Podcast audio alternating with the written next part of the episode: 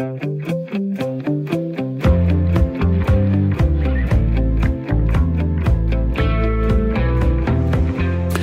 lytter til Byråderne på Radio 4, et program om kommunalpolitik, om det nære demokrati, om hvordan landets kommuner arbejder med og takler de udfordringer, som har indflydelse på vores allesammens hverdag, men også om det samarbejde og de magtkampe, der udspiller sig mellem politikerne, både på rådhusene og så også dem, der sidder på Christiansborg. I denne omgang af byråderne skal det handle om corona-hjælpepakker til kommunerne, hvordan de løser udfordringen med at få hele minkavler erhvervet videre i arbejdslivet. Og så skal vi også snakke om, hvad kommunernes fælles interesseorganisation KL er for en størrelse, og hvilken betydning den har. Jeg hedder Tuge Sørensen, og jeg har fornøjelsen af at være vært på programmet her. Velkommen til. Der skal også lyde et øh, stort velkommen til panelet i denne udgave af byråderne, som består af Henning Jensen, tidligere borgmester i øh, Næstved Kommune. Du sad som borgmester i øh, 23 år fra 98 til 2001. Nu aktuel med dine erindringer i bogen Mit Næstved. Godt at have dig med, Henning. Tak for det. Ja, det var altså fra 88 til 2011. Undskyld. Det giver 23. Det giver 23, ja. Det er mig, der har noteret. Jeg har faktisk også skrevet 88. Det er bare, fordi min hovedregning, den ikke er så god. Det er godt, at jeg ikke er blevet matematiker, men er bare blevet radiovært. Thomas Gyldal Petersen, borgmester Herlev Kommune og øh, Socialdemokrat, også velkommen tilbage til programmet til dig. Tak skal du have. Og så har vi også øh, dig med, Ulrik Vilbæk, borgmester i Viborg Kommune og venstremand. Hej med dig, Ulrik. Hej. Inden vi sådan kaster os over de øh, udvalgte emner, så lige et øh, hurtigt spørgsmål til jer hver især. Ulrik, jeg ved jo, du har et håndboldhjerte. Vi står jo i optagende stund foran et øh, EM i håndbold for kvinder, som ja, nu skal spilles i Haller i Herning og Kolding, efter at både Norge, men også øh, Frederikshavn, de har måttet øh, trække sig som værter på grund af corona. Herning og, Hol- Herning og Kolding er altså i sidste øjeblik trådt til som værtsbyer. Jeg kunne godt tænke mig lige at spørge dig om, siger det noget generelt om danske kommuner, at de sådan kan og vil det? Ja, det tror jeg faktisk, det gør. Øh, altså Herning er jo ikke trådt til i sidste øjeblik, fordi de har jo hele tiden skulle være værtsby. Men, okay. men, men Kolding er trådt til i sidste øjeblik, og jeg tror, der var mange andre kommuner, der havde været klar til at tage den opgave. Jeg er også øh, helt sikker på, at det bliver øh, lige præcis Herning og Kolding, hallerne og de tilhørende hoteller, det bliver de sikreste steder at være, hvis man vil undgå corona øh, i de næste tre uger. Så det skal nok gå alt sammen. Og hvorfor blev det egentlig ikke Viborg? Det er jo også en håndboldby. Jo, jo, det er det jo, men, øh, men øh, nu tror jeg nok, at det var Kolding, der blev spurgt, okay. øh, og det er, aldrig, det er aldrig nogen skam øh, ikke at komme, når man ikke er inviteret. Nej, det er rigtigt. Henning, du er jo øh, som sagt øh, aktuel med dine erindringer i bogen øh, Mit Næstved.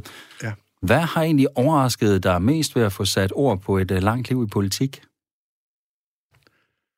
Jamen, det har overrasket mig meget, at øh, der er både glæde og sorg. Ja. Og jeg synes, jeg havde mange sover. Nå. Jeg synes, at alting forsvandt fra Næstved, mens jeg var borgmester. Papirfabrikker, hospital, det store sygehus og åndssvageforsorgen og en masse, masse rigtig gode arbejdspladser, de blev lige så stille fjernet fra den by, hvor jeg havde hovedansvaret. Det var en stor overraskelse, at, eller det var, det var en stor overraskelse, at det kan man godt snakke sig ud af.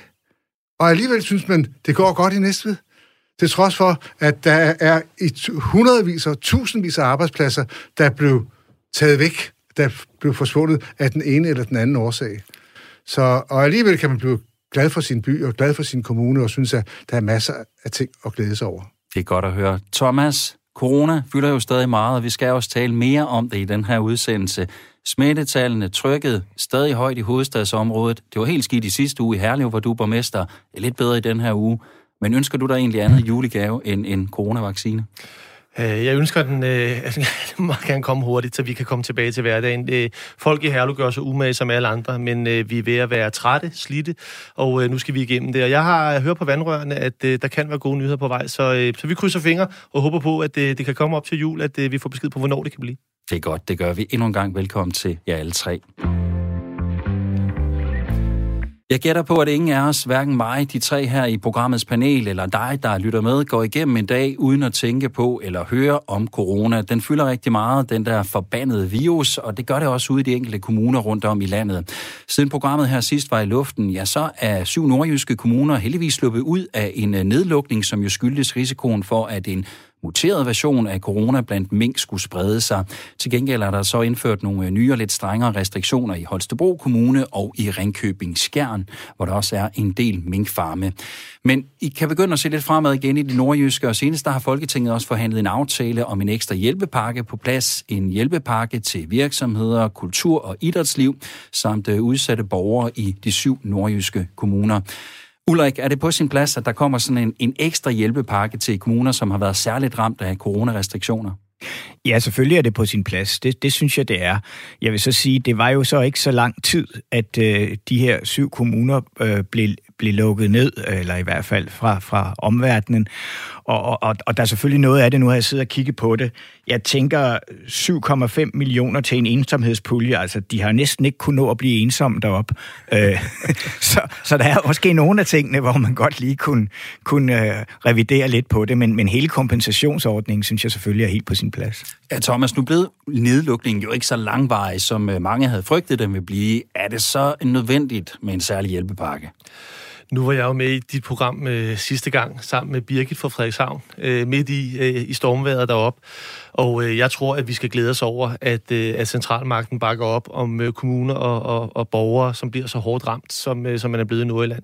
Det er klart, at det er vigtigt at holde hånden under øh, erhvervsliv og beskæftigelse.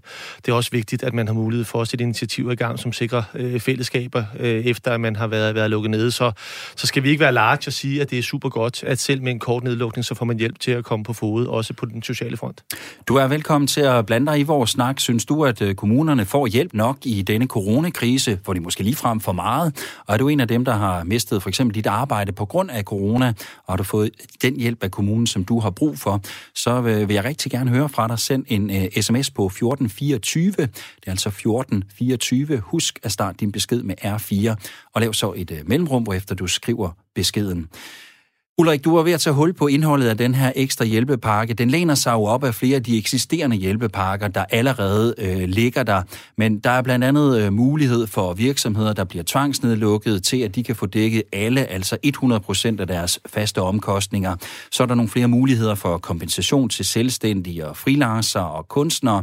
Der er øh, den her pulje, som du, du fortalte om før, hvor der sættes øh, 7,5 millioner kroner af til øh, ensomme. Der er også en pulje på 5 millioner kroner til markedsføring markedsføring, som kan genstarte turismen, og der er også sat penge af til uddeling af mad til øh, sårbare familier. Øhm, nu nævnte du det her med ensomhed. Det måske begrænser, hvor meget folk de når at blive ekstra ensomme af at være øh, nedlukket i en halvanden uges tid eller to, eller hvor meget det nu var. Men, men man kunne også samtidig spørge, er der så så meget mere at hente i sådan en nedlukningshjælpepakke, som du ser det? Nej, altså øh, nu er det jo nu er det jo sådan generelt, at, at de ting, øh, man i øvrigt går ind og gør øh, kompensationsmæssigt, det er jo de samme ting, som man gjorde på et tidligere tidspunkt mm. øh, øh fra marts måned af. Så, så det er jo sådan set nogle fine ting, som jeg tror, alle er enige om. Og så er der de her øh, tre-fire ekstra ting, øh, dels for virksomheder og dels for for kommunerne som sådan. Og, og, og det, er jo, det er jo det, jeg siger specielt, det for kommunerne, altså øget beløb til øh, Nordjylland øh, øh, som, som turistdestination og, og sådan nogle ting. Jamen, det er jo klart, når det kun er halvanden uge eller to uger, så er det jo begrænset, hvor hårdt man bliver ramt. Men det vidste man jo ikke dengang, man lavede det. Mm. Og, og, og derfor er det jo okay, og så må man jo kigge på det. Det er jo lidt ligesom, øh, vi andre får også dækket øh, utrolig mange penge, øh, overførselsudgifter, øh, øh, ekstraordinære overførselsudgifter, og, og der kan jeg også bare sige, at jeg ved da godt, at i Viborg Kommune, der kommer vi der til at betale nogle af de penge øh, tilbage igen, fordi vi har ikke haft nær så mange arbejdsløse, som man havde forventet, vi skulle have øh, under den her øh, øh corona-lockdown. Så, så, så øh, der er nogle ting, man skal ind og kigge på, men det vigtige er jo, at når så noget her sker, at man så øh, med det samme går ind og støtter op, og det synes jeg jo er positivt. Det tænker jeg ikke, der er nogen som helst, der kan være uenig i. Henning, tror du reelt set, at øh, de borgmester, der sidder i nedlukkede kommuner, de føler, at de får dækket alle de her mere omkostninger, som corona giver dem? I nedlukkede kommuner, der tænker du på de nørjyske? Til de nordjyske, ja. Nordjyske. Ja, Altså det tror jeg sådan set. Jeg tror, at jeg synes, de har vist meget ansvarlighed og meget, meget påholdenhed. Så jeg tror ikke bare, at de råber op ubegrundet. Mm. Så jeg tror sådan set, at de er indstillet på, at så klarer vi os med det, vi nu får. Og de synes også, tror jeg, at det er, at det er en god, øh, et godt plaster på såret. Er der også noget signalværdi i det, det her med at sige, at I har taget en for holdet, det skal I selvfølgelig have lidt for? Ja, det synes jeg. Der er lidt signalværdi i det. Ja. Så jeg har, jeg har dyb respekt for Arne Bol i Jørgen og, og, og pigen fra Frederikshavn der. Birgit. Birgit, ja, Birgit, Birgit som ja. var her sidst mandag. Jeg synes, de har været fantastisk dygtige og, og, og, og stille og roligt, uden at, at bare råbe mere mere mere. Thomas, den her pakke, som nu er forhandlet på plads, den vil jo også gælde fremadrettet for andre kommuner, hvor der måtte komme nogle lokale nedlukninger. Er du tryg ved, at den kan være en øh, reel hjælp til jer, hvis Herlev Kommune lukker ned? Man kan sige, at, at forholdene i Nordjylland og forholdene i, i hovedstadsområdet er jo øh, meget forskellige. Øh, man kan ikke bruge de samme værktøjer i hovedstaden, som man har brugt i Nordjylland. At, at forestille sig at lukke borgerne inde i egen kommune i hovedstadsområdet, hvor at størstedelen af befolkningen pendler på tværs af kommunegrænser, også meget mere end noget andet sted i landet, øh, vil jo lukke vores erhvervsliv fuldstændigt ned, øh, og vil også lukke den offentlige sektor ned. Hmm. Så, så, så det, jeg forestiller mig, øh, kan være nogle af de andre restriktioner, altså at man lukker ned for, for daginstitutioner, skoler, at man, at man i virkeligheden øh, begrænser vores mulighed for at være aktiv på tværs. Øh, og i den situation vil det jo være noget andet end, øh, end, end, end, end den håndsrækning til eksempelvis erhvervsliv, som man har set i, i Nordjylland. Men, men jeg har en forventning om, at skulle vi komme i den situation, at vi i Herlev og omegn øh, bliver underlagt nogle særlige restriktioner, så vil der finde det samme sted som i Nordjylland, nemlig en, en opmærksomhed på, at de brancher eller de borgere, som bliver særlig hårdt ramt af det, øh, vil, vil få en hjælpende hånd, øh, som, som regeringen har gjort det hidtil. Ulrik, sidder du også med ro i maven øh, over, at der er et, øh, et ekstra sikkerhedsnet, hvis I skulle stå i en situation, hvor Viborg Kommune skal lukke ned i en uge eller to, eller måske endnu længere tid? Ja, det gør jeg faktisk, øh, også fordi, at øh, vi er jo blevet kompenseret, kommunerne, øh, lige fra starten af, og, og som sagt, øh, jeg tror faktisk, at nogen af os kommer til at betale penge tilbage igen, øh, fordi vi er blevet overkompenseret. Så jeg har, øh, på, på den måde har jeg helt ro på. Det er godt at høre.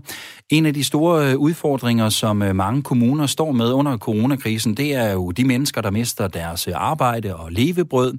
Det er selvfølgelig en øh, større udfordring, og det er jo ikke bare i de her syv nordjyske kommuner, som har været lukket ned, men i en del flere kommuner, øh, hvor der har været minkfarme og følgeerhverv, altså virksomheder, som for eksempel laver foder til mink og så videre, også deraf. Her snakker vi jo øh, tusindvis af arbejdspladser, som øh, nu forsvinder, fordi alle mink øh, skal eller bør, alt efter øh, temperament, aflives. Ulrik, øh, i Viborg Kommune, der ved jeg, at I har en 14-17 øh, minkfarme, det har du fortalt mig, som nu står foran øh, afvikling. Har I egentlig overblik over, hvor mange mennesker, som I nu skal til at have omskolet eller efteruddannet i den forbindelse? Det har vi fået, ja. Øh, og, og det, det er vi ikke så hårdt ramt som for eksempel Holstebro og Nej. nogle af de nordjyske. Altså for vores vedkommende, så er det, så er det cirka 45 arbejdspladser, så det er det, vi har regnet os frem til. Øh, og, øh, og, og der, hvor jeg... Det, det, jeg synes, der er det værste i det her, det, det, er, jo, det er jo de her mennesker, der har et livsværk og, og ikke har lavet andet hele deres liv. Og skal jeg sige, de er 58 år, og så skal de lige pludselig til at finde ud af, hvad skal vi nu gøre? Og, og der er det jo svært at, at finde sådan øh, umiddelbare kompetencer måske. Så, så det, det, den er lidt svær, hvis man selv har været ejer af det her. ikke. Og det er jo som sagt 15 af de 45. Så, så man kan sige, for, for vores vedkommende, så, så øh, vil det kun være 30 medarbejdere, hvor nogen er måske lidt løsere ansat. Øh, nogen måske rejser tilbage til Østeuropa igen. Der er mange østeuropæere ansat i det her erhverv. Så, så øh, der er mange, der har det meget, meget værre end os, men vi er med det samme gået ind og, og har fulgt op på det her og, og, og henvendt os til alle dem, øh, der nu er i det her i den her branche og sagt, øh, kom ind og få en snak med os øh, i beskæftigelsesafdelingen. Lad os finde ud af, hvordan vi kan, vi kan komme videre, når I er klar til det fordi der er jo også nogle af de her ejere, de skal lige have lov til at tænke sig om, og de har jo heldigvis også fået en kompensation, så, så øh, de behøver jo ikke lige at skulle have et job i næste måned. Nej, men I har allerede taget kontakt til dem, ja, så I øh, kan komme i gang ja. med arbejdet med at få dem videre, hvis, øh, hvis det er det, de ønsker selvfølgelig. Ja. I Holstebro Kommune, som, øh, som du også øh, nævner, øh, Ulrik, der står de jo øh, med en, øh, en ret stor udfordring på det her område. Den er lidt større end i Viborg Kommune, det har du ret i. Der er en øh, 400-500 ansatte i minkbranchen, vurderer kommunen, og den øh, socialdemokratiske borgmester H.C. Østerby efterspørger nogle værktøjer til at løse opgaven. Han har derfor opfordret Beskæftigelsesministeriet til at give kommunerne, som har minkbesætninger, mulighed for at få adgang til det, der hedder varslingspuljen. Den giver de kommunale jobcentre mulighed for at hente noget økonomisk tilskud til at kunne lave en hurtig og aktiv indsats. Normalt så bliver den her brugt, øh, når der sker større afskedelser øh, i øh, større virksomheder, som har stor betydning for et lokalt område. Men øh, han mener altså, at den også skal bruges i det her tilfælde med, at øh, det nu er en helt øh, minkavlerbranche, som øh, står foran øh, lukning. Prøv lige at høre, hvad han siger her. Vi ved, at den øh, pulje eksisterer og bliver i dag brugt til at hjælpe øh, virksomheder, øh, som har eksempelvis 20, 20 ansatte og, og derover, som, som måske lukker eller, eller er i gang med en fyringsrunde. Og, og der tænker vi, at det her det er en hel branche, der, der, der forsvinder. At det, var, det må være, være en måde at, at hjælpe os med at opkvalificere.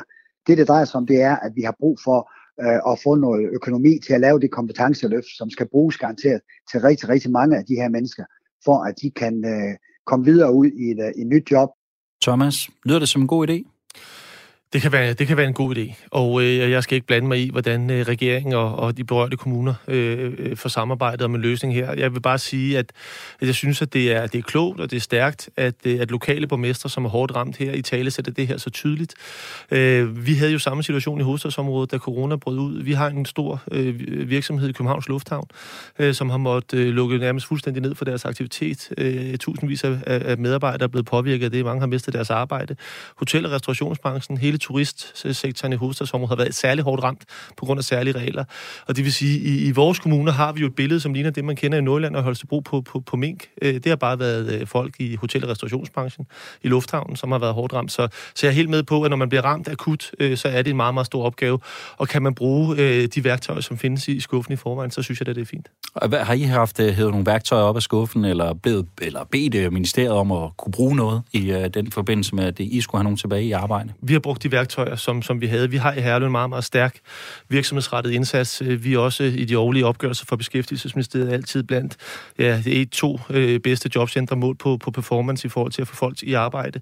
Så, så vi har en stærk indsats. Vi har opnormeret. Vi har ansat fire ekstra medarbejdere i den her fase, øh, og det kan lyde lidt morsomt, men, men mange af de mennesker, der er blevet ledige nu, er blevet ledige for første gang i deres liv. Det er folk, der er gået på arbejde, siden de forlod skolen. Øh, og når de bliver ledige for første gang, måske i en moden alder, øh, så det at sætte sig ind i et jobsøgnings system og lave CV er sådan set en udfordring. Så vi har ansat en medarbejder, som har til opgave at understøtte øh, de mennesker, som er blevet ledige for første gang i at, at, at, at manøvrere i systemet og finde ja. hurtigt tilbage. Vi har to medarbejdere ansat med målrettet fokus på øh, de jobparate kontanthjælpsmodtagere. Altså dem, som har været i et langt arbejdsliv, har været vant til at stoppe om morgenen, nu bliver ledige for første gang. De skal jo vende i døren, de skal jo ud i andre brancher. Og det vi kan se, det er, at mange af dem, der blev ledige fra serviceerhverv, hotel, restauration, lufthavn og andet, har fået job i bygge- og anlægssektor. I den offentlige sektor, øh, i forhold til rengøring, øh, i vores øh, sundhedsvæsen, på vores plejecentre. Så der har jo været en, og vi har også en medarbejder ansat til omskoling og efteruddannelse, øh, opkvalificering. Så, så vi har jo vi har jo ansat flere folk til i virkeligheden at forsøge at gribe hver enkelt leder. Hvis jeg bare skal sige, give to tal på, hvordan udfordringen har været i en lille by, by som min. Vi er 29.000 indbyggere. Vi har i denne her periode haft mere end 1.000 nyledige ud af 29.000 indbyggere som konsekvens af corona. Øh, mere end 800 af dem er kommet tilbage i arbejde. Så, så, så reelt har vi jo faktisk haft, altså kunnet se, at arbejdsmarkedet på trods af krise har kunne optage øh, hvad hedder det, ledige til, til, til beskæftigelse. Men det kræver bare, at, at det netværk, der findes i vores jobcenter, i den direkte kontakt med et hav af virksomheder, kan iværksættes, så den enkelte kan matches øh, med sine kompetencer til et behov derude. Så, så vi har brugt de værktøjer, vi har. Vi har til gengæld brugt dem flittigt, og vores medarbejdere har løbet rigtig, rigtig stærkt, for at, at øh, ledighedskøen ikke har skulle vokse så meget. Ulrik, den her varslingspulje, vil du gerne kunne øh, bruge den i forhold til de øh, cirka 45 øh, ansatte øh, øh, plus øh, ejere af minkfarm, som du talte om tidligere? Jamen, det kommer sådan lidt an på, hvor de her mennesker de er øh, rent mentalt, øh, fordi øh, jeg tror faktisk, der er nogen af dem, der ikke er klar endnu øh, som Thomas var inde på, og det gælder, så, gælder jo også øh, for nogle af de her ejere, eller minkavlerne her, øh, så er det det, de har lavet i deres liv. Det er deres livsværker. Ja. Og, og, og vi skal jo heller ikke presse dem. Øh, sådan, jeg, jeg synes, det, det er vigtigt at finde ud af, hvor hver enkelt står, og i og med, at der ikke er flere, så kan vi det. Og så derfor tror jeg måske ikke, at Viborg Kommune på samme måde vil, vil byde ind. Jeg synes jo, at alle de her puljer og alle de her kompensationer, det er jo helt fantastisk. Men vi skal jo heller ikke overgøre det, forstået på den måde, at det må være dem, der har behov, der skal ind og, og, og have af de her puljer. Og, og der tænker jeg, når vi ikke har flere, så synes jeg i første omgang, vi skal prøve selv at, at klare det. Og så, så kan det jo være, at vi senere øh, vil kigge på, øh, om der er behov for at gå ind i den her pulje. Henning, du står jo, øh, jeg ved ikke om jeg skal sige lykkeligvis, ikke i situationen længere, når du ikke længere er i politik, men du nævnte du jo i starten med, at du har oplevet, at der blev andet blev lukket øh, sygehuse og papirfabrikker osv., da du sad som borgmester ja. i Næstved Kommune. Hvordan griber den situation an? Hvad gør man? Fordi det er jo vigtigt at både fastholde noget, nogle virksomheder i, øh, i ens lokalområde Absolut. og få folk tilbage i arbejde. Absolut. Ja, jeg kan ikke give nogen patentforklaring på det, fordi det er jo altså mennesker, som er meget forskellige steder i deres liv. Der ja. kan være unge mennesker, der kan være nogen, der nærmer sig pensionen, og, og der, er, der er ikke noget, ikke noget middel, som kan bruges i alle situationer. Der skal man ind til en individuel vurdering, og så prøve at støtte de mennesker i den opgave, som de har. For eksempel med at blive efteruddannet, om, omskolet, eller hvordan de nu kan, kan få livet til at hænge sammen, inden de skal have pensionen udbetalt. Og, så derfor mener jeg ikke, at vi kan ligesom sige, at, at her har vi løsningen på et stort arbejdsløshedsproblem, der kan, pludselig kan opstå. Det er en individuel øh, konsultation og en individuel rådgivning, man skal være parat til at give, og der skal man til gengæld så også være hurtig til at give, og pas på ikke at gemme den for meget i procedurer og byråkrati og andet, men hurtigt ud og kontakt til den pågældende. Jamen, det øh, understreger måske også meget godt, at det kan være en kompleks opgave for en kommune selv, når man i gåsøjen bare står med 45 mennesker, som øh, Ulrik gør i, i, i Viborg. Nu snakkede vi jo øh, før om øh, de andre hjælpepakker, som er blevet tilgængelige øh, i forbindelse med corona. Og jeg har også øh, spurgt øh, H.C. Østerby, om ikke de ja, i gåsøjen bare kan bruge øh, de andre hjælpepakker, der er, og hvorfor minkerhvervet skal have særlig hjælp. Prøv at høre, hvad han svarer her. Jeg så øh, beskæftigelsesministeren snakke den pulje, som er øh, under finansministeren, øh, i form af hjælpepakker, at man kan omdefinere noget som hjælp her til. Det, er, det, det, der er vigtigt for mig, det er, at staten påtager sig øh, øh den rolle, det er at være, at være en del af løsningen øh, for, for erhvervet. Øh, og, og det er jo et stor opgave, vi har, da der jo er minkejere, der, der, der arbejder med det hele deres liv øh, og hele deres livsgrundlag, og, og, og kunne de forestille sig ved lønmodtagere, det er ikke sikkert, at de kunne det. Øh, hvorimod, at der er jo lønmodtagere, hvor er over halvdelen hos os er, er, er udenlandske, øh, især fra Ukraine, jamen øh, hvor godt dansk har de, har de familie med op, eller er de på vej hjem igen. Så, så, så det er det, er, det er en brugt, øh, det er brugt, det er den opgave, vi står overfor, men, men vi er selvfølgelig klar til at løse den. Ja, uh, Ulrik, det er jo også nogle af de ting, som du sagde før, at det, det er lidt en broget skare af mm. folk, der har uh, været uh, ejet deres egen minkfarm igennem hele livet nærmest, uh, mm. klar til at skulle ud og være lønmodtager og alt det her.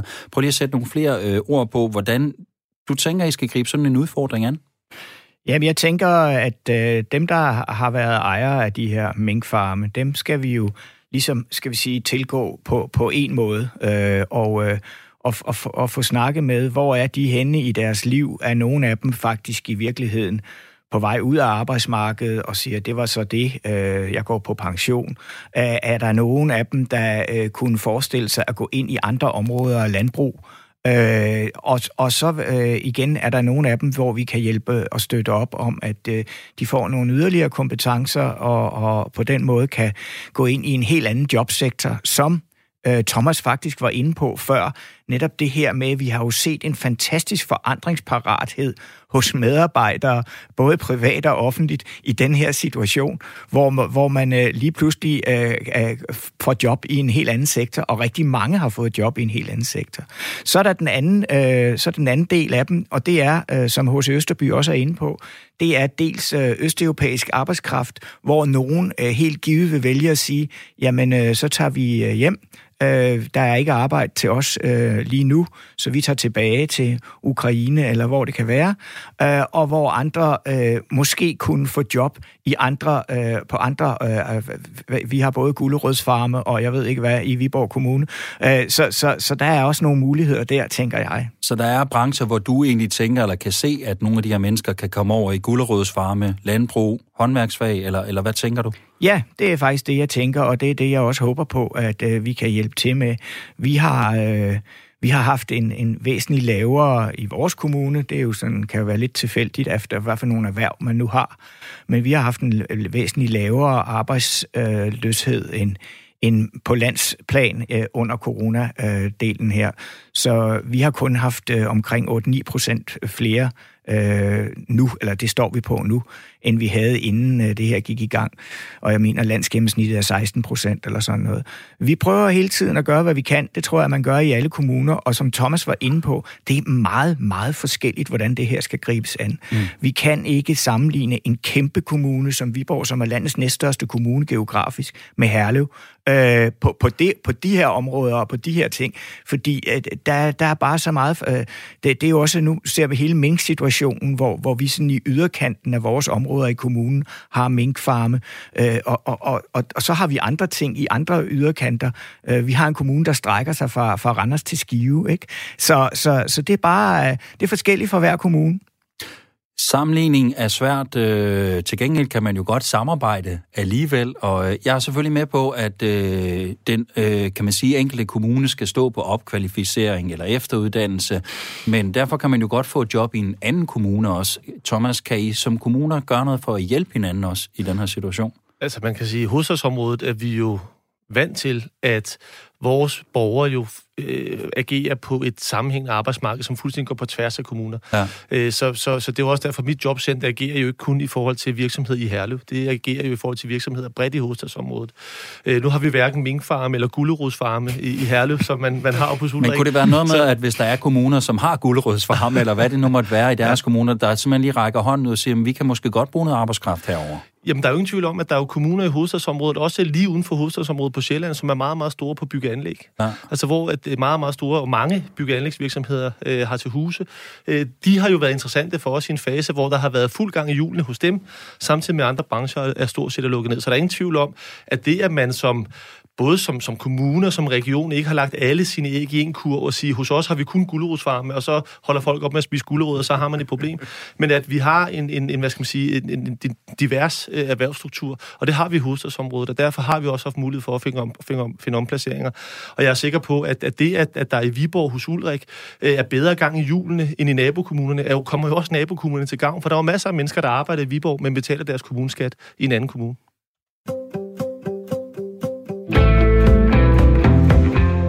Du lytter til Byråderne på Radio 4, et program om kommunalpolitik. Mit navn er Tue Sørensen, og med i denne udgave af programmet er et øh, panel bestående af Henning Jensen, tidligere mangeårig borgmester for Socialdemokratiet i Næstved Kommune, Thomas Gyldal Petersen, borgmester i Herlev Kommune og Socialdemokrat, og så Ulrik Vilbæk, borgmester i Viborg Kommune og Venstremand. Vi vil med dette program gerne være med til at skabe opmærksomhed om kommunalpolitik og det nære demokrati i Danmark, og derfor vil vi også gerne prøve at øh, inspirere lidt på tværs af kommunerne. Og hvordan gør man det bedst? Jo, man sætter selvfølgelig fokus på nogle af alle de gode ting, der bliver udrettet rundt om i landet i kommunerne, og uddeler nogle kommunalpolitiske skulderklap. Det skal vi nu, i det vi har givet det øh, sådan ret fortolkningsfri navn, ugens prik, prik, prik. Ulrik, hvad har du taget med som ugens prik, prik, prik? Jamen, jeg har jo været nødt til at, at være lidt aktuel, og nu vidste jeg jo ikke, at vi skulle høre ham her i programmet, men jeg har altså givet mit skulderklap til min kollega i Holstebro, øh, H.C. Østerby, øh, fordi det kan godt være, at vi har haft mine udfordringer her i Viborg Kommune, også med minkgrave og sådan noget, men det er ingenting i forhold til, hvad de har haft i Holstebro. Så øh, jeg snakkede med H.C. Østerby i går, og han har i 14 dage ikke beskæftiget sig med andet end mink og minknedgravning og forkerte øh, placeringer af minknedgravning, og jeg skal komme efter jer. Så han får mit skulderklap. Jeg synes, det lyder som et uh, fortjent skulderklap. Henning, det der med, at man som borgmester, også lidt på tværs af partifarver, en gang men måske lige kan tage telefonen og ringe til hinanden og sige, ved du hvad, jeg synes sgu, at du gør et godt stykke arbejde.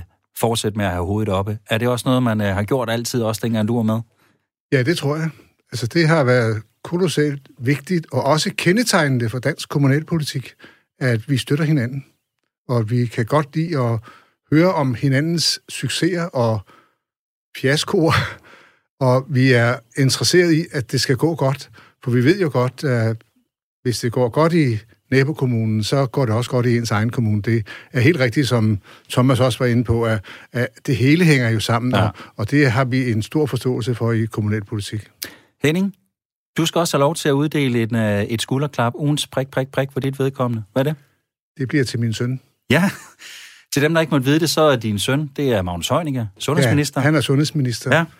han øh, er udsat for et temmelig hårdt pres. Han er far til to piger på 10 og 12 år, nej, 15 og 13 år i 6. og, og 8. klasse. Og der er en af i hans familie, som har gået i selvisolation, og det kan man godt forstå, fordi hun er testet positiv. Og derfor skal Magnus klare sine piger, klare deres mad, klare deres skolegang, plus han har et lille bibeskæftigelse som sundhedsminister i Danmark. Så han og jeg vil er... bare sige, det tager lidt på ham. Ja, det kan og jeg det, forestille mig. Så vidt vi kan høre, min kone og jeg, og når vi kommer i kontakt med ham, så, så er der pres på, og der er voldsomt pres på. Så han skal et skulderklap. Det får han her med. Det bliver så ikke et kommunalpolitisk skulderklap, det bliver bare et skulderklap i al almindelighed. Det her med sendt videre. Thomas, sidst, men ikke mindst, ugens prik, prik, prik for dit vedkommende. Hvad skal vi, øh, hvad skal vi høre om der? Jamen, jeg har øh, brug for at sende skulderklap til, øh, til, til, til nogle mennesker, og et særligt menneske, som har gjort en kæmpe indsats for at løse et problem, som mange ikke ved, vi har, men, men som risikerer at drukne os fra neden i både landets største byer, men, men i hovedstadsområdet ikke mindst. Nemlig det problem, at der er mange steder opstigende grundvand, på grund af, at vi har stoppet med at pumpe vand op og pumpe vand væk i, i, i takt med, at vandindvindingen er blevet begrænset. Og det betyder, at dele af hovedstad, store dele af hovedstadsområdet er ved at drukne, ikke af vand ovenfra, men af vand nedefra i stigende grundvand, som stiger op i folks huse. Det har man hidtil ikke, eller det kan man ikke i henhold til lovgivningen, øh, gøre noget ved kollektivt, hverken i kommunen eller i forsyningsselskaberne. Og der har Jakob Bjergård, som er formand for KL's med, hvad hedder det, Miljø- og Forsyningsudvalg, han har nu øh, langt om længe i samarbejde med Danve og andre gode kræfter øh, i branchen fået rejst den sag, og den var på forsiden af Jyllandsposten forleden dag, og nu er der et håb om, at vi kollektivt kan få lov til at løse problemer, som er, udløbs, er udløst af kollektivet, men som i mange år har været overladt til den enkelte hus husejer eller det enkelte boligselskab at løse. Vi tænker ikke over det, men tænk på de mennesker, som har en ejendom, en bolig, som er ved at, at, at, at, at, at, at forsvinde øh, ned i, i undergrunden for, på grund af de opstigende grundvand. Vi har brug for, at også de der lidt skjulte problemer, som er store problemer for, for, for enkelte borgere, bliver løst. Øh, og der synes jeg, at, øh, at øh, Jakob Bjerregaard og KL øh, sammen med andre organisationer har, har vist sit værd i at håndtere den situation. Så et, et skulderklap øh, til Jakob øh, for endelig at få slået hul igennem i den diskussion. Det er vi mange, der er vanvittigt glade for over hele landet. Jakob Bjergård, som også er borgmester i Fredericia Kommune, er det ikke øh, det der, er han rigtigt, sidder? lige præcis. Ulrik, øh, i hovedstaden, der er der problemer med opstigende grundvand i øh, Holstebro. En af, er det, jeg ved ikke, er det nabokommune? Det er det ikke ja. helt til. Jo, det er, jo, det er, jo, det, det, det er ja. det. Der er der, øh, jeg ved ikke, hvad kalder man det, opstigende mink, øh, der, der kommer op. Har du også problemer med noget, der er opstigende hos, øh, hos jer i Viborg Kommune? Nej, det vi har udfordringer med i, i vores kommune, det er jo også mink. Det er jo de grave, der er lavet, de, øh, hvor, som er lavet tæt på drikkevandsboringer og så videre, hvor ja. Der jo er øh, nogle udfordringer, og vi, for vi mangler lidt svar, lad mig sige det på den måde. Er du bekymret for, at I har gjort noget forkert på en eller anden måde, for I ikke har vidst det, bedre? Det er jo ikke os, der har gjort noget som helst. Nej, det er rigtigt. Nej. Men er du bekymret for, at der er blevet gjort noget forkert, fordi ja. man ikke vidste bedre? Ja, det er Ja. Okay. Vi håber ikke, at øh, det går galt. Nå, tak for det alle sammen. Det var interessant. Jeg tror, det er første gang, vi har været i gang med en ugens prik-prik-runde, øh, hvor øh, den er gået ud øh, skulderklappende til øh, navngivende personer alle sammen. Så øh, det var meget interessant at høre. Du lytter stadig til Byråderne på Radio 4, et øh, program om øh, kommunalpolitik. Jeg hedder Tue Sørensen og er vært på programmet her, og med mig er et øh, panel, som består af Henning Jensen, tidligere mangeårig borgmester for Socialdemokratiet i Næstved Kommune, endnu en socialdemokrat i form af Thomas Gyldal Petersen, der er borgmester i Herlev Kommune, og så har vi også en venstremand med, Ulrik Vilbæk, borgmester i Viborg Kommune. Hvis du følger bare en, en lille smule med i medierne og på øh, nyhedsfronten, så er du sikkert på et eller andet tidspunkt stødt på KL, Kommunernes Landsforening, som er øh, de 98 kommuners fælles interesseorganisation. Men hvad er organisationen egentlig for en størrelse? Hvad er det for nogle øh, interesser, den varetager? Og hvad betyder det i sidste ende for os som borgere i de enkelte kommuner? Det skal vi snakke om nu, og så er det jo heldigt, at øh, panelet har en øh, vis indsigt i KL. Henning, du sad i bestyrelsen i sin tid i KL. Ja. Og øh, Thomas og Ulrik, I sidder begge i bestyrelsen i dag. Thomas, du er også øh, formand for KL's børne- og undervisningsudvalg, og sørg om øh, du, Ulrik, ikke også er formand for øh, Socialudvalget. Ulrik, vil du ikke bare lige sådan ganske kort beskrive lige med dine ord, hvad er kommunernes landsforening? For dem, der ikke måtte vide det. Jamen, kommunernes landsforening, det er en, en, en sammenslutning, som varetager kommunernes interesser. Og øh, der plejer vi lidt at sige, at når vi er der, så har vi fælles rygmærk på. Forstået på den måde, at øh, når vi sidder i bestyrelsen, så er det jo ikke sådan de her helt store, vilde øh, partipolitiske diskussioner, vi har, men mere, hvordan varetager vi kommunernes interesser, hvordan gør vi det bedste for kommunerne, hvordan kommer vi i kontakt med Christiansborg, øh, hvordan får vi sikret, nu sidder både Thomas og jeg, som du har nævnt, som formænd, hvordan får vi sikret øh, den direkte kontakt til Folketingets øh, udvalg på de områder, vi er formænd, øh, og til ministerne osv., og det synes jeg faktisk, vi gør godt. Og, øh, og, og de, de, som jeg kan jo øh, give eksempel på, som, som socialudvalgsformand, at, at nogle af de ting, vi tager op, det er jo også de ting, som regeringen og Folketinget tager op, og så prøver vi jo at komme med vores vinkel på det, øh, den kommunale vinkel på det, og få lavet et godt samarbejde af den vej, sådan så det kommer til gode for borgerne øh, i sidste ende. Hvis du har øh, spørgsmål derude om øh, kommunernes landsforening og organisations rolle, så øh, send dem endelig ind til os på en sms. nummer det er 1424. Husk som altid at starte din besked med R4, og så skriv, eller sav, lav et med, mellemrum, hedder det, og så skriver du altså beskeden. Thomas, nu siger Ulrik, at øh, det er sådan et fælles rygmærke, I tager på. Normalt, når folk de har rygmærker på, så er det jo fordi, de kommer og vil have trumfet nogle ting igennem. Er det også sådan med KL? Jamen, K, KL, KL er øh, en benhård bande, øh, som, på, som, som på kommunernes vegne øh, hvad hedder det, ikke tager gisler. Vi, øh, vi går direkte til, til Christiansborg og har sådan set to grundlæggende formål. Det ene, det er øh, at forhindre, at, øh, at de 179 mennesker, som er valgt ind på Christiansborg, øh, øh, på grundlag af manglende viden, kommer til at træffe beslutninger, som faktisk er til skade for det liv, der leves ude i kommunerne, øh, og de løsninger, vi skal finde på borgerne, for borgerne. Og det andet, øh, som, som, som vi bruger rigtig meget tid på, det er med lidt mere om, om opbyggeligt, øh, det er jo at, at dele den viden, vi har, de erfaringer, vi har, og hjælpe til, at Christiansborg løser reelle problemer, og lade være med at løse problemer, som ikke findes. Så, så opgaven handler jo rigtig meget om at, at have en, en daglig, en vedvarende dialog, som Ulrik siger, med ministre, med folketingsmedlemmer, øh, med embedsapparatet, i forsøget på, at, at kommunale erfaringer, den hverdag, som leves, i et dagtilbud, hvor vores medarbejdere hver dag i samarbejde med forældre og kollegaer løser opgaver for børn eller vores skole, på vores plejecenter, i kultur- og fritidslivet, at de der erfaringer for, hvad der virker og hvad der ikke virker, også bliver levende gjort på Christiansborg. Så når man ønsker, fordi det ønsker man fra Christiansborg hele tiden, at lave forandring, fordi det er jo derfor, de er blevet valgt ind for at skabe forandring i samfundet, at den forandring så bliver til det bedre, mm. og ikke bliver til benspænd, øh, når det, når det rammer hverdagen. Der har Kål en kæmpe opgave, og der har Ulrik ret. Det bruger vi mange timer på. Jeg bruger mange timer på det hver eneste dag, men, øh, men øh, jeg synes sådan set også, at vi når rigtig godt i mål. Coronatiden har været et rigtig godt eksempel på, at, at man fra Christiansborgs side har haft rigtig meget brug for, når man øh, skulle lave nye restriktioner, øh, at, øh, at gå ind i de her sektorpartnerskaber, hvor vi var med, få en dialog om, hvordan vil det virke, hvis vi laver den restriktion i en børnehave. Kan vi det eller har vi brug for at gøre noget andet? Og der har KL altså aktivt på hver eneste møde, i hver eneste diskussion, spillet ind på baggrund af dialog med kommunerne og sikret sig, at restriktionerne blev formuleret på en måde, så de faktisk også kunne fungere i daginstitutioner, i skoler, på plejecentre. Og hvis jeg lige skulle supplere ja. uh, Thomas der, uh, så er det jo netop uh, gjort, at vi har, vi har haft de her situationer, hvor borgere eller andre medier har spurgt til, hvorfor har I ikke Øh, bes, hvorfor har I ikke besøgsforbud på jeres plejecenter osv. osv. Og, og så kan vi sige, jamen det er jo noget, vi øh, i fællesskab i de 98 kommuner har besluttet på baggrund af de retningslinjer, regeringen har givet. Og det vil sige, så skal vi ikke alle sammen opfinde den dybe tallerken hele tiden, øh, og kommunerne skal ikke øh, lave forskellige øh, tiltag, øh, hvilket ville give borgerne øh, total mangel på forståelse for, hvad der er sket. Så, så lige præcis i denne her situation har KL om på noget tidspunkt vist sin berettigelse.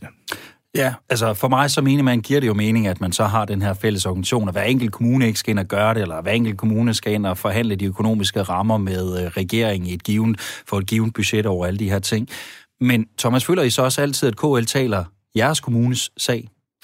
Det er klart, at når KL skal tale alle kommuners sag og skal tale på vegne af alle partier med én stemme, så vil der jo være, øh, så vil der jo være interesser, som bliver varetaget på en måde, så det rammer kommunerne bredt. Ja. Og der, nu har vi lige talt om lige før, at, at i forhold til, til hele situationen omkring mink og så videre, der, vi er jo forskellige, og derfor er der jo også beslutninger på Christiansborg og en interessevaretagelse for KL, som rammer øh, bullseye, rammer plet for, for en række kommuner, og så kan der være andre kommuner, som siger, at det der problem, vi prøver at løse nu, det er ikke det største problem i verden for os, og andre vil sige, at det løser I slet ikke godt nok. Så, så, så man kan sige, at KL er jo et forsøg på at skabe så stor en fællesmængde og skabe løsninger, som er så holdbare som muligt for så mange kommuner som muligt. Jeg vil så sige, at der, hvor det er fuldstændig uomgængeligt, du nævner det selv, altså økonomiaftalen, der, hvor vi aftaler hvad øh, hvilken økonomi staten skal stille til råd for kommunen. Det er vi nødt til at lave en fælles aftale om. Hvis kommunerne skulle forhandle det individuelt, så ville der være der nogen, der blev snydt, og nogen, der fik for meget. Det her det er sådan set en god model. På samme måde, når vi skal forhandle overenskomster. Forestil dig, at vi er 98 kommuner, og man også i nogle af de helt små kommuner på Fagenø og på Læsø øh, skulle indkalde Danmarks Lærerforening og, og, og, og sygeplejerådet til forhandlinger. Øh, for det første, så vil det tage ufattelig lang tid, men, men man vil også opnå dårligere resultater. Så det, som Ulrik siger, at vi kan skabe nogle fælles løsninger, som går på tværs af kommuner, så, så vi har et fast grundlag at stå på, øh, det giver altså den bedste drift, og det har betydning for borgerne. Henning, du var jo ja. i kommunalpolitik dengang ja. KL var sådan en ny spiller, ja. og også en gang, hvor man sad som kommune, og så forhandlede man selv med alle fagforeningerne. Ja. Var det bøvlet? Det var det. Jeg blev valgt ind i 1974. Jeg var kun øh, 28 år. Og der kan jeg godt huske, at jeg var meget overrasket over, at den kommune, jeg blev valgt ind i, nemlig den gamle Næstved Kommune, de ville selv foretage de forhandlinger. De havde nogle dygtige folk til det. Så de kendte alle overenskomster med alle, fag, alle, alle fagforeninger, og de ville absolut ikke fragive sig den myndighed selv at skulle forhandle løn og arbejdsvilkår med alle deres medarbejdere. Så kom jeg heldigvis i økonomiudvalget der i 1978, og der gik jeg i hvert fald stærkt ind for, at lad os nu, lad os nu bemyndige kommunernes landsforening, som det hed dengang. Der var det ikke noget med KL, det var det kommunernes landsforening, til at at, beha- at behandle den slags sager for os. Mm. Og det gjorde vi. Og jo mere tiden er gået, jo mere indlysende er det jo, og det er rigtig vigtigt og godt. Vi havde jo problemer med København og Frederiksberg, som ikke var medlem af KL, indtil for, er det 15-20 år siden, de kom med. Og jeg kan huske, jeg måtte tale på på øh, vores delegerede møde, at nu skal vi have de sidste 10 procent af Danmarks befolkning med i KL.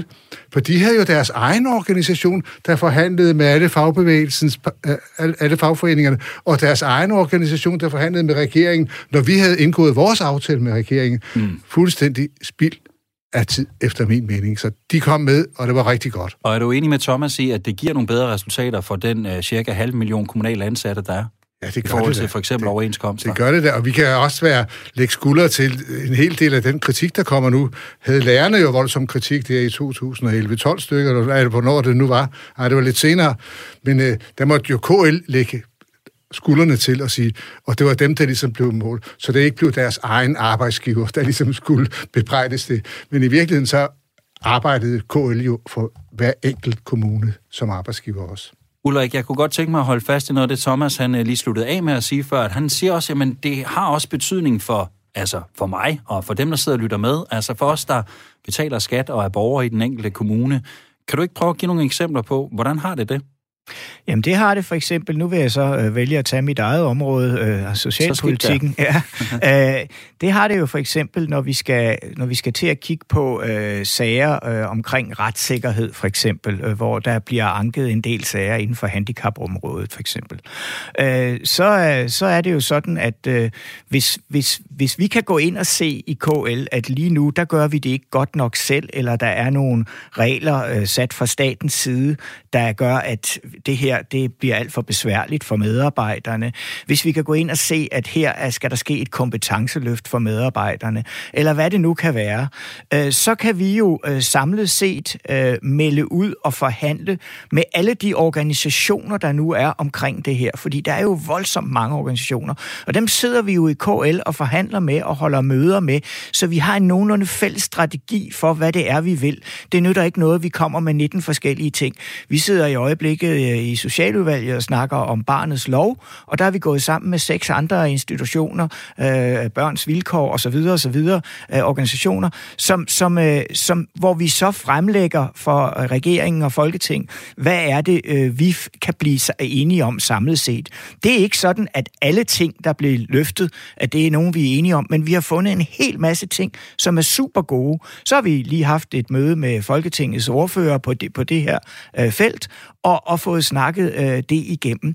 På den måde er der en rigtig, rigtig god chance for, at borgerne får en meget, meget bedre betjening, end de ville få, hvis vi sådan tog lidt løst det ene sted og lidt løst det andet sted, og ikke etablerede samarbejderne med organisationerne, med regionen, med staten osv. osv. Thomas, jeg kunne egentlig godt tænke mig at smide øh, det samme spørgsmål over mod dig, fordi altså, KL som organisation er jo efterhånden også øh, af en vis størrelse. Jeg tror, der er 400 ansatte, og der er et øh, årligt budget på en 400 millioner kroner. de ansatte og de penge, dem kunne man jo også kanalisere ud til de enkelte kommuner og så få noget for dem der. Er du sikker på, at de penge, de øh, har det bedste, og du får den bedste service ud af det i den anden ende, ved at du giver dem til KL? Jeg kan i hvert fald sige, for Herlev Kommunes vedkommende, øh, så får vi meget mere igen end, end vi betaler øh, i til KL-fællesskabet. Vi får viden, øh, vi får indsigter. Øh, KL er dygtig til at skabe, samle erfaringer på tværs af kommuner, inspirere til at finde gode løsninger med udgangspunkt i, hvad man har gjort andre steder. Altså sørge for, at vi alle sammen er velinformerede om, hvad der foregår. Men noget af det, der er allermest afgørende, synes jeg, det er jo, at vi har i Danmark et meget, meget fint kommunestyre, som har en, en, en decentral, et decentralt udgangspunkt, som betyder, at det er i kommunen, man finder løsninger for det liv, der leves. Og vi har en, øh, et Christiansborg, som i stigende grad siger, de vil det decentrale, men gør det modsatte. Altså at har mere og mere lyst til at detaljstyre og binde ting fast i faste rammer, fordi de virkelig ikke har nogen særlig stor tillid til, at andre end dem selv kan definere, hvad der er rigtigt. Så der har vi jo fra KL's side og fra kommunernes side meget, meget stort behov for, at der er nogen, der sørger for, at det decentrale kommer til at leve som et argument i debatterne. Og bare et eksempel på, på det område, som jeg så har ansvar for, som handler om, om skolen.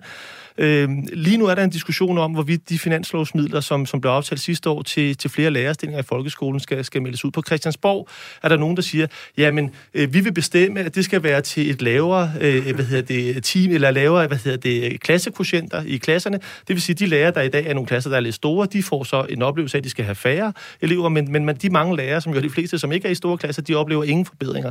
Vi har jo så i den forbindelse talt med, med Danmarks Lærerforening og blevet enige om, at det er sådan set vigtigt, at de penge kommer ud til lærerstillinger, men kan bruges på en måde, hvor man, hvis man synes det lokalt, at man har brug for at sætte klassestørrelsen ned, så kan man gøre det. Hvis man har brug for at bruge penge til to lærertimer, så kan man gøre det. Hvis man har brug for at bruge penge til, at hver lærer har lidt mindre undervisning og lidt mere forberedelse, så kan man bruge penge til det. Altså, at man finder løsninger, som passer til den lokale kontekst. Og der er forskel på kommuner, og der kan være forskel på skoler. Og hvis ikke KL er der, og det er sådan set i hver eneste forhandlingsforløb. Hvis ikke KL er der til at sige, pas nu på med den der centralistiske trang til at styre alting ned i detaljen, så kommer de til at styre ned i detaljen. Mm. Og så vil borgerne opleve en offentlig sektor, som i mindre og mindre grad er i stand til at løse det problem, man har i den lokale kontekst, med de medarbejdere, de borgere, som møder hinanden der. Så helt grundlæggende, hvis vi skal have en offentlig sektor, som har en mulighed og en frihed til, at når du som borger møder din kommune i din datters daginstitution, eller i din søns skole, eller på din mors plejecenter, eller hvor det nu er, du møder den offentlige sektor, så er der der nogle medarbejdere, nogle ledere, som har mulighed for at ramme dine og dine families behov på en ordentlig måde, uden at det hele er sat fast for Christiansborg. KL er lige nu den eneste organisation, som på kommunernes vegne og på borgernes vegne tager den kamp. Og hvis ikke vi havde KL, så ville kommunerne tabe den kamp hver eneste gang. Sikke en brandtal, Thomas, for KL. fint, fint, fint tale, jeg er helt enig. Godt sagt. Stemmer I. Men Ulrik, fordi det, det er jo det, jeg godt kan stå og sige, når man på at høre, jeg har også stået det her program efterhånden og hørt uh, rigtig mange af jer borgmester skrige på mere handlefrihed i kommunerne, sætter os lidt mere fri fra de fælles rammer og alt det her. Og så har man KL, som I nu står og siger, øhm, i, altså selvom det jo handler om at være en enhed og sikre fællesskabets bedste, så er det alligevel med til at give jer den kan man sige, øget handlefrihed, I gerne vil have. Prøv lige, prøv lige at uddybe det for mig. Jeg er ikke sikker på, at jeg forstår det. Jeg er heller ikke se, helt sikker på, at jeg forstod, om der var et spørgsmål i det, du sagde.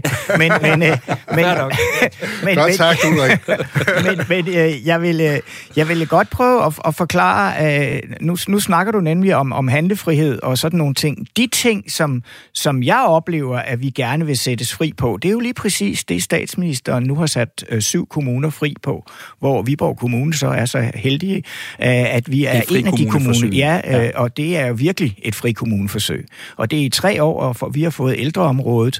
Og det her, hvor man fjerner nogen af alle de her regler, al den lovgivning, al den byråkratisering, som alle snakker om, og som man også snakker om, øh, inden i ministerierne skal fjernes, og så kommer man bare mere på.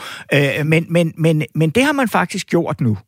Og det er det, vi skriger på i kommunerne. Det er netop at få lov til det her. At, vi ikke, at der ikke skal være benspænd hver gang. Øh, at man ikke skal nødvendigvis lave dokumentation øh, for hver kaffebesøg, man har hos en ældre borger og sådan nogle ting. Og, og, og, og det er KL jo også med til at støtte op om. Og, og, og derfor så, så, så er det egentlig ikke noget, der... Altså, det er ikke sådan, at, at, at vi har en oplevelse af i kommunerne, at vi er underlagt KL. Vi, er, vi gør præcis øh, sådan, som vi har lyst til i hver enkelt kommune. Men KL er vores, øh, og det fortalte Thomas jo så godt, vores øh, forhandlingsorgan. Det er vores, øh, det er vores øh, måde samlet set at kunne gå ud med noget i forhold til øh, staten. Og, og derfor så, øh, så det vi ønsker i kommunerne, det er mere frisættelse øh, på alle de her lovgivningsmæssige ting. Og så vil jeg så godt erkende, og det er noget af det, vi har oplevet nu på det her ældreområde med det her frikommuneforsøg, at det skal vi også huske selv. Fordi vi laver også nogle benspænd for os selv, som er, er helt øh, urimelige, og, og det har vi faktisk haft en mulighed for nu at kunne gå ind og se i vores kommune. Først så tog vi alle de statslige benspænd og fjernede dem, og så bag så fandt vi ud af, at der var nøjagtigt lige så mange benspænd, vi selv havde lavet. Er du enig, Henning? Og nu skal jeg forsøge at stille et øh, klart, simpelt spørgsmål den her gang. Gør KL det nemmere at være kommune? Ja, absolut. Det var det korte svar på det. Øhm, så kunne jeg egentlig også godt tænke mig at vide, nu bliver det sådan lidt politisk, men Thomas, er det en fordel for en given kommune, for eksempel Herlev, at have ens øh, borgmester siddende i KL's bestyrelse, eller have en borgmester, der er udvalgsformand? Det er klart, at, at, at man får i det arbejde nogle indsigter, man får i det arbejde et netværk, som, som selvfølgelig er til gavn. Øhm, men, men jeg vil næsten hellere vende den om. Øh, det, at en kommune øh, har en borgmester, som har en placering også inde i, i, i de organer, øh, er jo også et, et, et tegn på, at, at de kommuner har øh, nogle, nogle, nogle borgmester, som i forvejen viser øh, en vis evne til at sætte, sætte politiske dagsordner og være synlige, fordi øh, når jeg kigger ind i KL's bestyrelse, så er den sådan set befolket af nogle af de mennesker, som jeg godt kendte i forvejen, nemlig folk, som i forvejen har været toneangivende øh, sådan i, i de kommunalpolitiske diskussioner på landsplan. Ja. Så, så, så, så, så altså, selvfølgelig får man noget ud af at sidde der, man får noget ud af, at man kan bringe en viden tilbage til sin kommune, kommune. Men grundlæggende er det jo KL's opgave, at den viden, vi arbejder med at dele mellem kommuner, at den kommer alle kommuner til gavn. Men, men jeg har da personligt stor, stor gavn af at, at, at sidde med så dygtige mennesker som Ulrik øh, og, og, og andre. Michael Siel en god konservativ kollega fra Torstrup og andre, som, som er knalddygtige, driver kommuner effektivt. Vi gør jo også det, at vi ved siden af møderne jo taler om, om alle mulige ting. Det kan være personlige ting, øh, private ting, men det er jo også i høj grad politiske og, og professionelle ting. Og, og jeg går da altid hjem med inspiration, når jeg har været sammen med dygtige mennesker, og det er jo, når jeg mødes med dem i KL. Hvad siger du, Ulrik? For jeg tænker, at øh, du måske har en adgang til en anden adgang til socialministeren, end så mange andre har. Øh, gør det også øh, noget godt? Er det en fordel for Viborg som kommune? Ja, det, det er det da øh, selvfølgelig, men det er først og fremmest en fordel for KL og, og alle kommunerne. Men det er klart, det vi kan, vi har muligheden for os, der sidder i KL's bestyrelse, det er at skabe netværk. Vi har en mulighed for at skabe nogle platforme, og, og på den måde får man også, øh, skal vi sige, lettere adgang til udvalgte ministre og til, til politikere på, på Christiansborg. Man øh, får den her, altså det her vi jo godt kender, at hvis man får en god kemi, jamen så ringer man også lige, og, og, og, og det kan jo også bare være på tværs, som Thomas er inde på. Øh, jeg har det præcis, som Thomas har det i forhold til det her. Det er velkvalificerede mennesker, der sidder der. Det er folk, vi kan blive inspireret af, og det er folk, man har været glad for at være sammen med, når man går hjem. Og så er det egentlig ikke så skidt. Thomas, hvor, øh, hvor ser du øh, KL's betydning, den øh, går henad i øh, årene fremover? Bliver den større, eller øh, ligger den på det leje, den skal nu? Jamen, KL's betydning skal blive større, for det decentrale argument skal stå stærkere i, i diskussionen også på Christiansborg. Men det, og det gør vi ved at gøre mere af det, vi er i gang med, Det bliver komme meget tættere på kommunerne. Vi har brugt øh, de sidste år på, at blandt andet har jeg rejst rundt i hele landet, mødtes med, med kommunalpolitikere og udvalgsform, men nu gør vi det elektronisk her under, under corona. Det vil sige, vi får en direkte dialog med hundredvis af kommunalpolitikere relativt jævnligt, hvor vi diskuterer væsentlige aktuelle sager, som kan bringes direkte ind på ministerens og på Folketingets bord. Det skal KL blive endnu dygtigere til, for, for vores legitimitet ligger jo i, at vi er kommunernes talerør, og derfor skal kommunernes stemme også kunne høres med en troværdighed, fordi det skal komme helt derudefra, øh, hvor tingene sker. Så KL skal arbejde for at gøre sig, øh, hvad skal man sige, berettiget til sin rolle, og den omstilling, der er i gang i KL i de år, synes jeg er rigtig, rigtig spændende. Vi kommer meget, meget tættere på virkeligheden og på hverdagen, og derfor kommer KL til at stå stærkere og stærkere. Ulrik, du skal lige have mulighed for en uh, kort kommentar eller slutbemærkning her til sidst på det, hvis du har en. Jamen, jeg kan egentlig bare øh, øh bakke op om det. Altså, det er, jeg, jeg er absolut enig, og, øh, og, og, og vi skal bare sørge for, at vores interesseorganisation og KL ikke bliver nogen, der, der bliver så øh, voluminøst øh, øh store, så, så vi, vi bare kører hen over alt og alle. Øh, vi skal netop, som Thomas siger, ud, vi skal lytte, vi skal lade os inspirere, så skal vi gøre det endnu bedre.